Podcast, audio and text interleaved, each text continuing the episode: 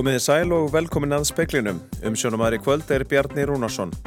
Forstjóri landhelgiskeslunar segir það gríðaleg vonbriði og mikla afturför að þurfa að selja eftirlitsflugvilina TF-SAFE. Hún sé ein af grunnstóðum geslunar. Húsleit stendur yfir í strandhúsi bandarækja fórsita í Delaware. Húsleitin er svo þriði á tveimur mánuðum en áður hafa fundist leinileg skjöl á skrifstofu fórsetans og á heimili hans. Komið til verkfalls eblingar, tæmast eldsneitist tankar bensinstöðva á nokkrum dögum. Framkvæmdastjóri Ólís segir að aðgerðnar, segir ábyrð, aðgerðnar ábyrðarlausar í ljósi almanna hagsmuna. Allt kapp verður lagt á að tryggja eigamönnum rafmagn meðan viðgerð á Vestmanneia streng 3 stendur yfir. Búist er við að bílunagreining og viðgerð takir langan tíma. Þó svo að samið yrði um nýjan urðunarstað nú. Nú þegar til að leysa álsnes af holmi þá tækir það 3-5 ára að taka hann í nótkunn. Anstæðingar breytinga á lífeyrislögum í Fraklandi segja að mótmæli gegn þeim snúist um fleira en áformaða hækkun á eftirlaunaaldri. Georg K.R. Lárusson, forstjóri landhelgiskeslunar, segir það gríðalegt áfall að missa eina af grunnstöðum landhelgiskeslunar eftirlitsflugvilina TF-SIF en hana á að selja vegna fjárskorts. Í tilkynningu frá geslunni segir að rekstur hafi reynst erfiður undan farna mánuði vegna mikill að ólíuverðshækkana og meira umfangs. Þetta eru gríðal vonbreiði. Þetta er mikil afturför. Landhelgiskeslan hefur ekki flugvilar í 70 ár og við teljum að það sé algjörlega nöðslu þáttur í starfseminni og í öryggi lands og þjóðar og sjófarenda að hafa flugil til þess að grípa til til björgunar, til leitar, til eftirlits og vegna almannavarna. Hann segir að hugmyndir séu uppi um að leita samstarfs við Ísafja um rekstur á flugvél en svo umræða sé ekki tímabærað sinni. Ljóst er að einhverji starfsmenn landhelgiskeslunar missi vinnuna vegna sölu vélarinnar en Georg segist ekki viss hvað þeir verða margir. Eh, ég get ekki sagt það á langarna en, en það er eitthvað rúmlega tögur manna út af misla. Saði Georg Káur Lárusson. Bandaræska allríkislauraglan FBI gerði húsleit í dag á strandhúsi Joe Biden bandarækjafórseta í Delaware. Aðeins eru tíu dagar síðan húsleit var síðast gerð heima hjá fórsetanum. Sjónarvottar á Rehoboth ströndi í Delaware segja að svartir jeppar hafi numið staðar fyrir utan strandhús fórsetans í morgun og að allríkislauruglumenn hafi tekið til við að leita í húsinu um leið. Bob Bauer, aðal lögfræðingur Bidens, segir að leitin hafi verið gerð fyrir tilstuðland dómsmálaráðundisins og með samþyggi Bidens. Samkvæmt verklagi ráðundisins, sagði Bauer, kvildi leindi yfir yfirvofandi leit sökum rannsóknarhagsmuna. Korki Biden, nýja allríkislauruglan, hafa tjáð sig um hana. Lörglann segir að upplýsingar verði veittar að leit lokinni. Leinileg skjöl fundust fyrst í fórum bætin í november á síðast ári, þá í skrifstofuhúsnaði í Washington DC. Þá var enn skamt til þingkostninga Vestanhafs og skjálafundurinn komst ekki í fjölmjölaferinn eftir kostningar. Síðan fundust fleiri skjöl, þá frá varafósatatíð bætens á heimilega hans í Delaware. Þar fundust svo fleiri skjöl sendi í januar í 13 klukkustundra langri húsleit. Biden dvelur reglulega á Rehoboth strönd. Hann og Jill Biden fósatafrú voru þar síðastundir lok januar. Merrick Garland, dómsmálar á þeirra, skipaði nýla Robert Hörr, fyrirvenandi ríkisaksóknara í Mariland, sem leiðtóa sérstaks rannsóknar teimis vegna skjálafunduna á heimili bætin og víðar. Hörr hóf störf í gær. Það var Átur Þórðarsson sem saði frá og nú rétt í þessu lísti lögfræðingur bætens því yfir að engin leinileg skjöl hafi fundist við leitina. Eldsneiti myndi tæmast á bensinstöðum á nokkrum dögum komið til verkfalls eblingar félaga hjá ólíudreyfingu og skelljungi. Þá myndi matvæladreifing í verslanir einnig stöðvast. Tvö fyrirtæki flytja ólíu til landsins, ólíudreifing og skelljungur. Þau selja og flytja svo eldsneiti á bensinstöðvar. Komið til verkfalls verða töluverðar afleðingar. Frosti Ólafsson er framkvæmdastjóri Ólís. Svona í stuttumáli þá sjáum við fram á að það verði nú ennþá hægt að flytja ólíu til landsins og afgreða skipin uh, út á landi að þá verður dreifinga á stöðar svona meir og minna í hefðbundnu formi en áhrifin verða veruleg og, og, og viðtæk uh, á stór höfuborgarsvæðinu. Þetta næri út fyrir, fyrir Reykjavíkursvæði, Reykjanes, Borgarnes inn á Suðurland og, og þar munum við ótvírætt lenda í, í heilmiklu vandræði með tilkemur. Hvað getur þessar bensinstöðvar verið að afgræða bensin þá í marga daga eftir að hættir ólíudreifing til þeirra? Eh, það eru auðvitað misjandið stöðum og erfitt að meta með nákvæmum hætti. Við hefum auðvitað líka eftir að skilja bara hvað er hægt að gera í aðdragandanum til þess að í einhvern skilningi framlengja líftíman. En þetta er ekki spurningum eh, margar vikur, þetta eru klálega nokkri dagar og svo verður allt gert til þess að halda sem mestu gangandi sem lengst. En aftur við höfum nú þá trú að þetta muni leysast með öðrum, öðrum hætti en það er í rauninni að mínum mati um, um svona frekar ábyrðalösa aðgerð að, ræða og hreinlega bara hættulega út frá almanna hagsmunum. Saði Frosti Ólafsson, Kristín Siguradóttir rætti við hann. Erfitt er að segja til um hver langan tíma tekur að gera við vestmanneia streng 3. Bilun í strengnum olli viðtækur ramagsleysi í vestmannegjum, landegjum og vík í óveðrunu á mánudag. Bilunin var ekki á landi eins og talið var í fyrstu heldur á hafsbótni.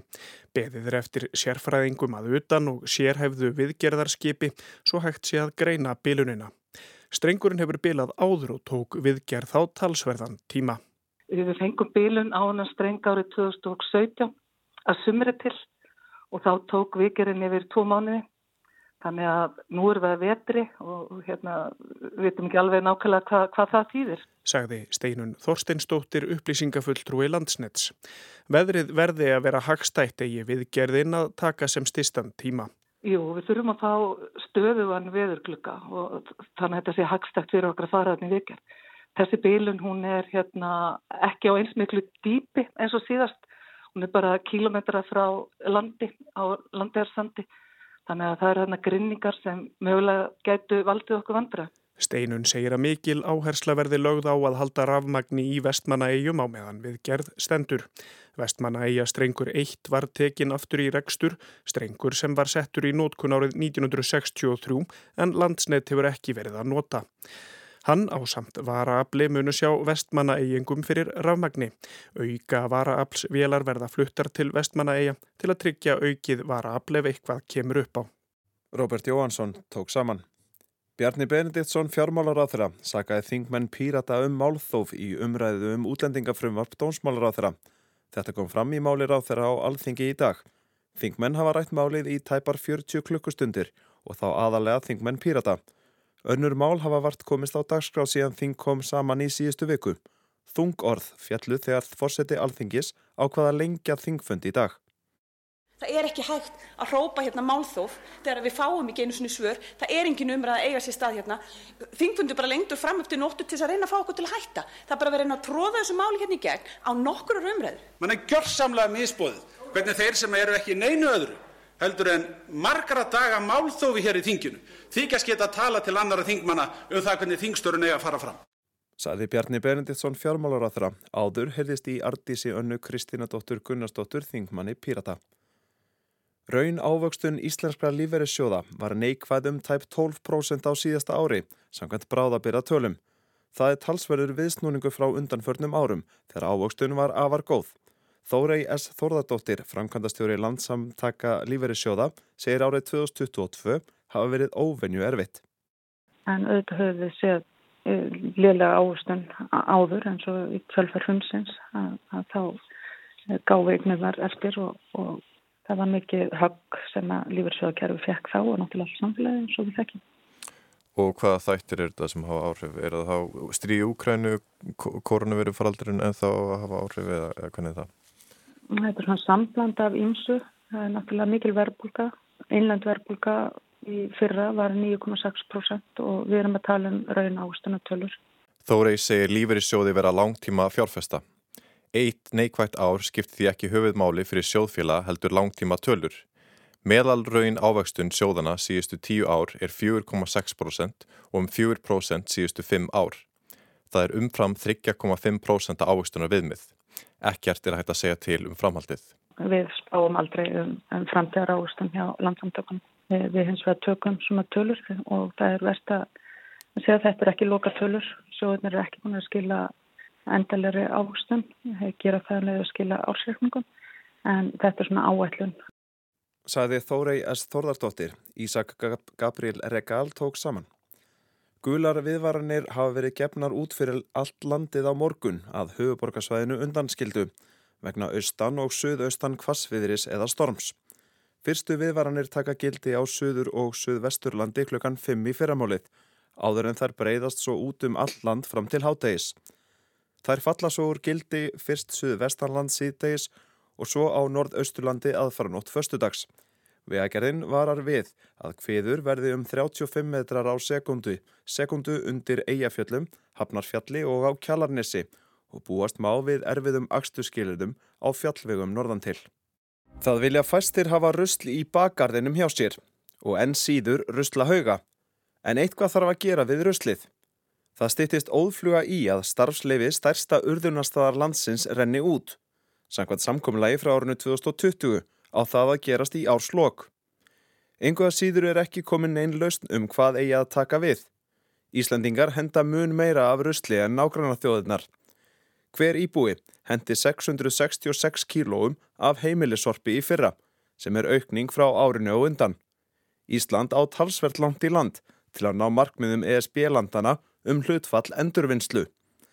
Á þessu ári verður sorpirða á landinu samræmt sem þýðir að heimili þurfa að flokka sorp í fjórar tunnur, pappir, plast, lífrænt og almennt sorp.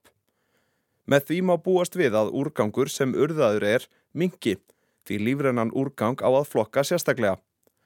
Annað sem er í miklum ólestri er meðhöndlun dýrarhæja.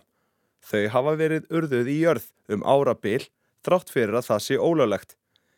Aðeins einn sorpbrennslustöð er á landinu, Kalka í Helguvík og hún er ekki að annað eftirspurn. Stutt er síðan vandraði sköpuðist þegar urða þurfti heilu bústofnana, tæplega 2500 fjár vegna riðursmits í skagafyrði. Þá þurfti að brenna hrægin vegna smittættu og nokkra mánuði tók að farga þeim. Fjalla var um urðun og úrræðarleysi í sorpmálum í kveik í gær. Hvað gerist ef að álsnesi verið lokað í lok þess ás og, og ekki búið að finna nýjan stað? Þá er ég vondum málum saði Jón Viggo Gunnarsson, framkvæmdastjóri Sorpu í Kveik. Dagur B. Eggertsson borgastjóri saði í háttegisfréttum að hann væri ekki bjart síðan á að nýr urðurnastæður erði tiltækur í árslokk þegar loka á urðurnastæðunum í Álsnesi, skamt frá Reykjavík. Þá kallar hann eftir aðkomu ríkisins í að koma á fót sorpbrennslu stöð. Regina Ásvaldsdóttir er bæjastjóri í Mórsfellsbæ og formaður sambands sveitarfélaga á höfuborgarsvæðinu. Hvað eru sveitarfélagin að gera til að leysa álsnes af hólmi? Sko sveitafélagin á höfuborgarsvæðinu hafa verið í slíkri vinnu undan farin ár. Það búið að skrifa undir samkomlag e, þrísva fjóru sinnum um það að finna nýjan urðunastað og eftir því sem ég best veit, ég nú frekar ný sem formar samtaka sveitafélag á höfuborgarsvæðinu, hef einugis verið í því hlutverki í nokkra vikur en hérna þá er búið að skoða mjög víða einhverju 36 staði sem hafa verið skoðaðir sem svona hugsanlegu kostur en það hefur ekki gengið og það er auðvitað mjög skiljanlegt vegna þess að aðrir eru, uh, þetta er ekkit eitthvað sem að önnu sveitafélag annar staðar heldur en á höfuborgarsvæðinu hafa áhuga á. Þannig að þess, þessi leiti hefur gengið uh, mjög illa. Og þegar að síðasti samningur í gerður, hann er gerður sem 2020, að þá uh, í raun og veru er talað um að það verið loka í Álsnesi uh, í lok ást 2023 en það er í raun og veru svona að mati sérf fróðra aðila eins og þeirra sem er sérfræðinga hjá Sorpu það tekur alveg þrjú til fimm ár að undibúa nýjan urðunasta þannig að, að, að samkomlega sem er gert í tvö ár eða þrjú ár að það er að mínu mati frekar órunnsett og ég held að við ættum að horfa frekar til lengri tíma og svona móta sameila framtíðasín í þessu málaflokkin, ekki að kasta boltanu svona milli eins og hefur kannski verið gert. Og hvað á að gera í þessu millibils ástandi? Verður álsnes bara notað áfram? Við erum að skoða, sagt, eh, stjórn samtaka Sveitafélag höfuborgarsvæðinu hefur falið stjórn sorpu um að, að móta e, í raun og veru, halda áfram þessari leit og móta tillugur e, að næstu skrefum og við hefum bara vonað því að fá það fljótt og þá þurfum við líka að fara bara í gegnu það, það voru sett að nákvæði markmið árið 2020 e, varðandi líktarmengun og annað fara í gegnu það hvað hefur verið gert, hvaða árangri hefur það skila og hvaða, hvaða rástafan það getur gert næstu árin til þess að koma í veg fyrir að það sé mengun af þessum urðunastað. Þú ert ekki bara formaður stjórnarsamtaka Sveitafélag höfbrukarsæni, þú ert líka bæjastur í Mósusbæk. Hvernig leggst það í Mósvellinga að hafa þetta áfram í bakararnum hjá sér? Það hefur ekki verið tekin ákverðun um að hafa uh, eh, urðunastæðin áfram. Það hefur verið að skoða alla kosti og, og skoða það sem hefur verið gert og hvað áhrif það hefur, hefur haft og, og síðan að setja fram einhver markmið og, og veist, hvað áhrif getur þau haft. En það eru auðvitað, uh, þetta hefur verið baráttum mál, sérstaklega fyrir íbúa samtök í Leirvastungu hverfi að, að urðin verði hægt og ég hygga að, að íbúar eru auðvitað ekkit hrifnir að því að hafa urðun í bakarðinum og það væru engir íbúar uh, á höfuborgarsvæðinu hrifnir að því en eins og ég segi fyrirtæki hefur farið í ákveðna aðgerðir og, og dreyið úr losun og síðan erum við náttúrulega með nýja lögjöf sem gerir ráð fyrir því að það verði hægt urðun á lífrænum úrgangi sem eru auðvitað versti úrgangurinn til þess að urða varðandi mengun. Það hefur verið bent á að það sé hægt að hætta urðun strax með því að flytja almennan úrgang til útlanda til orkuvinnslu það sé næg eftirspurn eftir því til að mynda í Nóri. Hvers vegna Er það ekki gert? Sko Sorpa er að hefja, hefur, hefur, semst er að fara í útbóð og er að hefja útflutning. Það hefur verið markmið lengi, eh, hérna síðast þegar Sorpa fór eh, í útbóð þá var það kært, þannig að það tafði málið, en við höfum mjög, lagt mjög mikla áherslu það til dæmis Moses, af hálfum Mósusbæjar að það verði farið í útflutning á Sorpi. Og sér eitthvað fyrir hvernig það geti gerst? Við erum að vonast þess að þetta geti gerst svona um mitt árið 2023 sorp brennsla, er sá kostur, er hann eitthvað til skoðunar eða er þetta of dýrt? Sko, sorp brennsla er auðvitað að margra mati framtíðin og við höfum verið mjög skýr, nú tala ég sem bæðastur í Mósisbæjar, við höfum verið mjög skýr að við sjáum það ekki fyrir okkur í álsnesi og það verður að finna annan stað en þetta er það rísavaksið verkefni, kostnaður við sorpbrennslu er á bylunu 20-25 miljardar og ég hérna, tel mjög mikilvægt að að sveitafjölu og ríki komið sér saman um þannig verkefni og það verið vanda mjög vel til verka hvað var þar að finna stað fyrir sorprenslu. Mm -hmm. Þessi stað sem þú nefnir, eru þeir hér í, í grend við höfuborgarsvæði sem er verið að skoða til að leysa álsnes af hólmi? Eru þeir hér í, í grendinni eða eru þeir vitt og breytum landi? Vitt og breytum landi, það hefur verið, verið hort eh, til Suðurlandsins, það hefur verið hort vestur Þannig að það, er, það eru ymsi staðir sem að hafa verið til skoðanar en þetta, það hefur ekki gengið að ná samkommulegi. En kemur þig reyna að skipta þessi eitthvað upp að hafa þetta marga minnistæði? Það getur vel verið en það er auðvitað eitthvað sem að stjórn Sorpu vinnur að og, og, og framkvæmta stjórn þar uh, hérna, og gæti verið eina tilhjónum en, en, hérna, en við erum semst að horfa á blanda leiðir, útflutning og svo er náttúrulega það sem skiptir mestu máli er auðvitað hvernig við eh, bara sem borgarar umgöngumst sorpu okkar og, og þessi mál, þessi eh, hérna, hafa auðvitað verið kannski svolítil afgangstærð í íslensku samfélagi og ég held að með nýju lögjöfni eh, hérna, þá verðum við að taka þetta ofar í forgangsröðunni og, og horfa langt fram í tíman og líka bara huga því hvernig við erum að, að hérna, henda rusli sjálf. Ég held að komast bara ekki lengra. Regina Ársvaldsdóttir, takk hjá það fyrir komuna í speilin. Takk.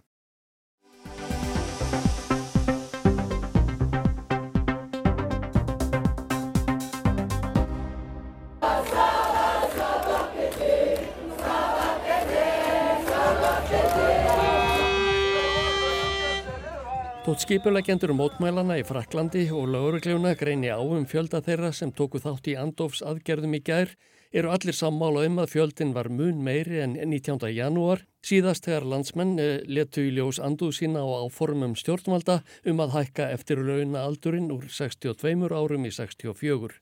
CGT, fjölmennasta félag opimbæra starfsmanna í landinu áallar að 2,8 miljónir hafi mætt á mótmælafundi og í göngur í gær þar af hálf miljón í Parísarborg. Láreglan er töluvert hófsamari, fjöldin hafi farið eitthvað yfir 1200.000 á landsvísu og líkast til um 87.000 í höfuðborginni. Félagari átta fjölmennum stjættarfélagum lögðu niður vinnu í gær til að mótmæla á formum stjórnvalda.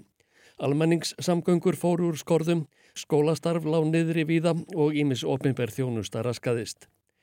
Hvað sem fjöldanum líður er ljósta fórkólvar franskra stjættarfélaga eru ánaðir með árangurinn í gær.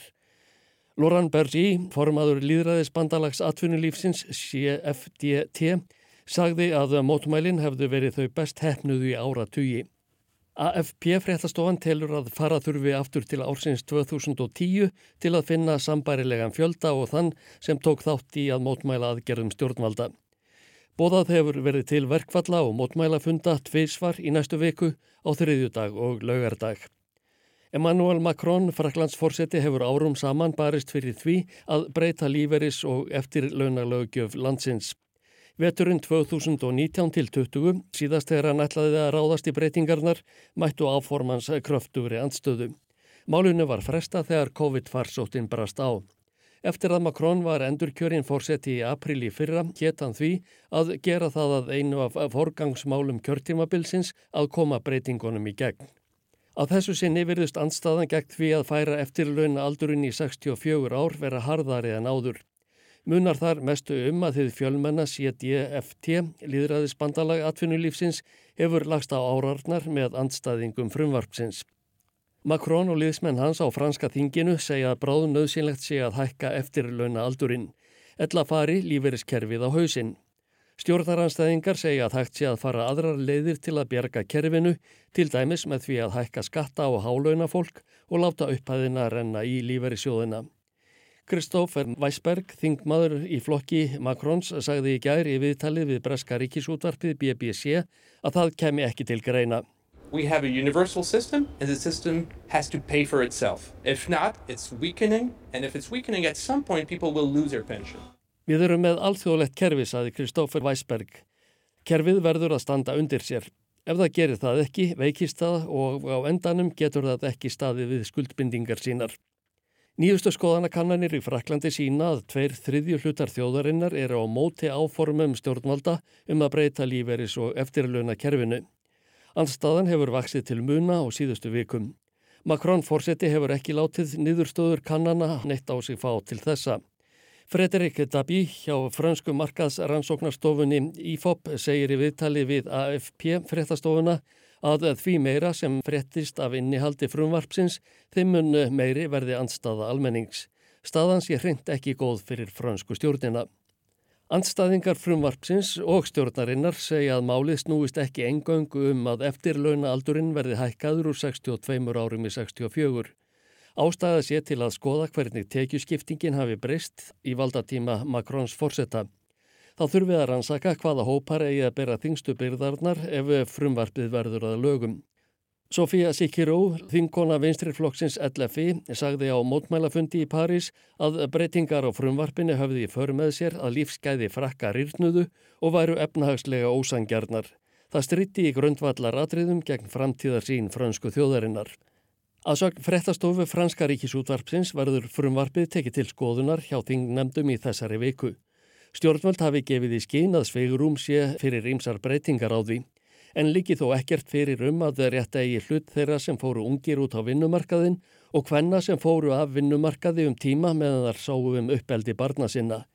Þá hefur það að sogni ríkisútvarpsins orðið til að herða gaggrínina enn frekar að einn af ráþörum Makrons viðurkendi í síðustu viku að það kynni að vera dáli til kynjahalli á frumvarpinu konum í óhag.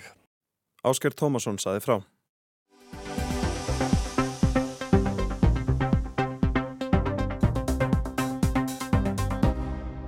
Argentínski knatspunumadurinn Enzo Fernández varði í nótt dýrasti knatspunumadur sem keiftur hefur verið á Breitlandsegjum. Ennska félagi Chelsea keifti leikmannin frá Benfica í Portugal og gerði við hann 8,5 árs samning eða fram á sumarið 2031. Fyrir það greiðir Chelsea 121 miljón evra eða um 107 miljóni punta, 18,5 miljard króna. Fernández er 22 ára gammal og kom til Benfica fyrir hálfu ári Þá kostaðan 10 miljónir punta og því óætt að segja að portugalska félagið hafi ávaksta sitt punt vel. Fernandes sló í gegn með sigurliði Argentínu á hinsmestramótun í desember og var valinn besti ungi leikmaður mótsins. Kaupinn gengu í gegn á síðustu stundu, skömmu áður en janúarmánuði lauk. Félagaskiptaglögin í fóbaltæminum er nefnilega aðeins opinn tviðsvar á ári í janúar og svo aftur síðsumars. Það er óætt að segja að Chelsea hafi farið sem stormsveipur um markaðin í klukkanum og eitt sem aldrei fyrr. Raunar eru nýju nöfnin svo mörg að það er málmanna að stuðningsmenn félagsins eigi mesta basli með það eitt að halda reyður á hvaða leikmenn eru í liðinu. Mikhailo Mudrik, ukrænsku vangmaður, sem vekst frá heimalendinu á 89 miljónir punta, Benoit Batashile frá Monaco 35 miljónir punta, Noni Maduke frá PSV 29 miljónir, bakverðurinn Malo Gusto frá Lyon í Fraklandi 26 miljónir, Sjá Felix frá Atletico Madrid, reyndar á láni, og svona mætti áfram telja. Chelsea hefur í þessum eina mánuði sankaða sér leikmönum fyrir ríflega halvan miljard punta. Það er álíka upphæð og Liverpool hefur varið á síðustu fimm árum eða í tíu félagaskiptaklökum. En hvernig hefur félagið efna á þessu og er þetta sjálfbært? Tæpast. En Chelsea á sterk efnaða eigendur, bandaríska fjárfæsta með miljardamenningin Todd Bowley í brotti fylkingar. Þeim munar ekki um þessar fjárhæðir. Á síðustu árum hafa auðjöfrar hvaðanæfa af nettinum keift sér knatsbytnufélög og auðsið í þau fjö til að koma í fremstu röð. Og það virkar. PSG í Fraklandi er í eigu Emirsins í Katar, englandsmeistarar Manchester City í eigu Shekana í Abu Dhabi og hefð fortfræga félag Newcastle United hefur skindilega skotist upp í þriðja sæti ennsku deltarinnar eftir að konungsfjölskyldan í Sáti Arabíu keifti félagið á síðasta ári. Raunar mætti bæta Chelsea á þennan lista yfir félög sem hafa keift sér árangur. Chelsea hafði ekki unnið ennsku úrvaldsveldina í 50 ár. Alltar til rúsin Roman Abramovits egnaðist félagið í upphafi aldarinnar og opnaði veskið. Abramovits neyti síðan til að selja félagið á síðasta ári vegna refsi að gerða breskra stjórnvalda. Hann þótti of náinn bandamaður Vladimirs Putins. Evróska knatspunusambandið og alþjóðasambandið FIFA hafa veikum mætti reyndað jafna leikin, tryggja að ríkidæmi eigenda skekki ekki samkjörnistöðu félaga. Evróska sambandið kynnti fyrir rúmum áratug reglur um svo kallaða fjárhagslega sjálfbærtni, Financial Fair Play, í sem einföldustu máli mega félög ekki eigða meiru en þau afla sér og er þá leitið til teknað af styrtarsamningum, sjónvasréttum, miðasölu, leikmannasölu og annara hefbundina þáttægir ekstri knatspunuliðs. En snjallir lögfræðingar og viðskiptamenn finna sínar glöfur. Eins lík er að fyrirtæki í eigu sama fólks og á knatspunuliðið gerist aðal styrtaræðili þess með uppblásnum styrtarsamningi. Það er ekki tilviljun að Etihad flugfélagið frá saminuðu arabísku fyrstadæmunum sé stæsti styrtaræðili fyrstaliðsins Manchester City. UEFA reyndi eitt sinna svifta City þáttugurétti í meistaradeldinni fyrir meint brot á þessum reglum en City hafði síðan betur fyrir alþjóða íþróttadómstólum. Glöfurnar sem Chelsea hefur hægnit sér þennan janúarmánuðin eru þó af öðrum toga.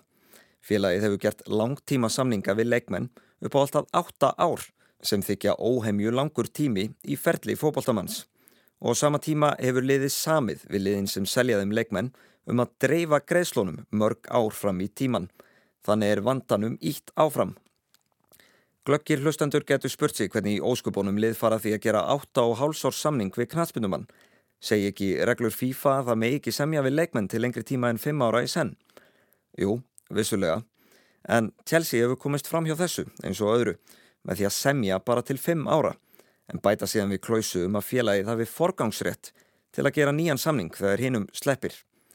Þessi klækjabröð hafa skiljanlega lagst illa í keppinauta Chelsea og Evróska knastbundusambandi hefur í hyggju að breyta reglum til að koma í vekk fyrir að fleiri leiki sama leik.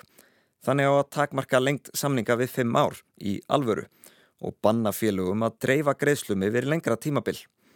En slíkar breytingar verða ekki afturvirkar og meðan hlæja stuðningsmenn Chelsea alla leið í bankan og bindar vonir við að nýfengin liðstyrkur hjálpi til við að koma félaginu sem hefur eitt langmest allra leiða á tímabilinu úr tíunda sæti ennsku úrvalstildarinnar. Alexander Kristjánsson saði frá. Lítum þá til veðus á lokum. Vaksandi austanátt í kvöld og nótt. Austan og suðaustan 15 til 23 metrar á sekundu á morgun og víða snjókoma eða slitta með hita kringum frostmark. Regning sunnan og suðvestanlands þegar líður á morgunin og hlínar heldur. Snýst í minkandi suðvestanátt suðvestan til undir kvöld og dregur úr úrkomu.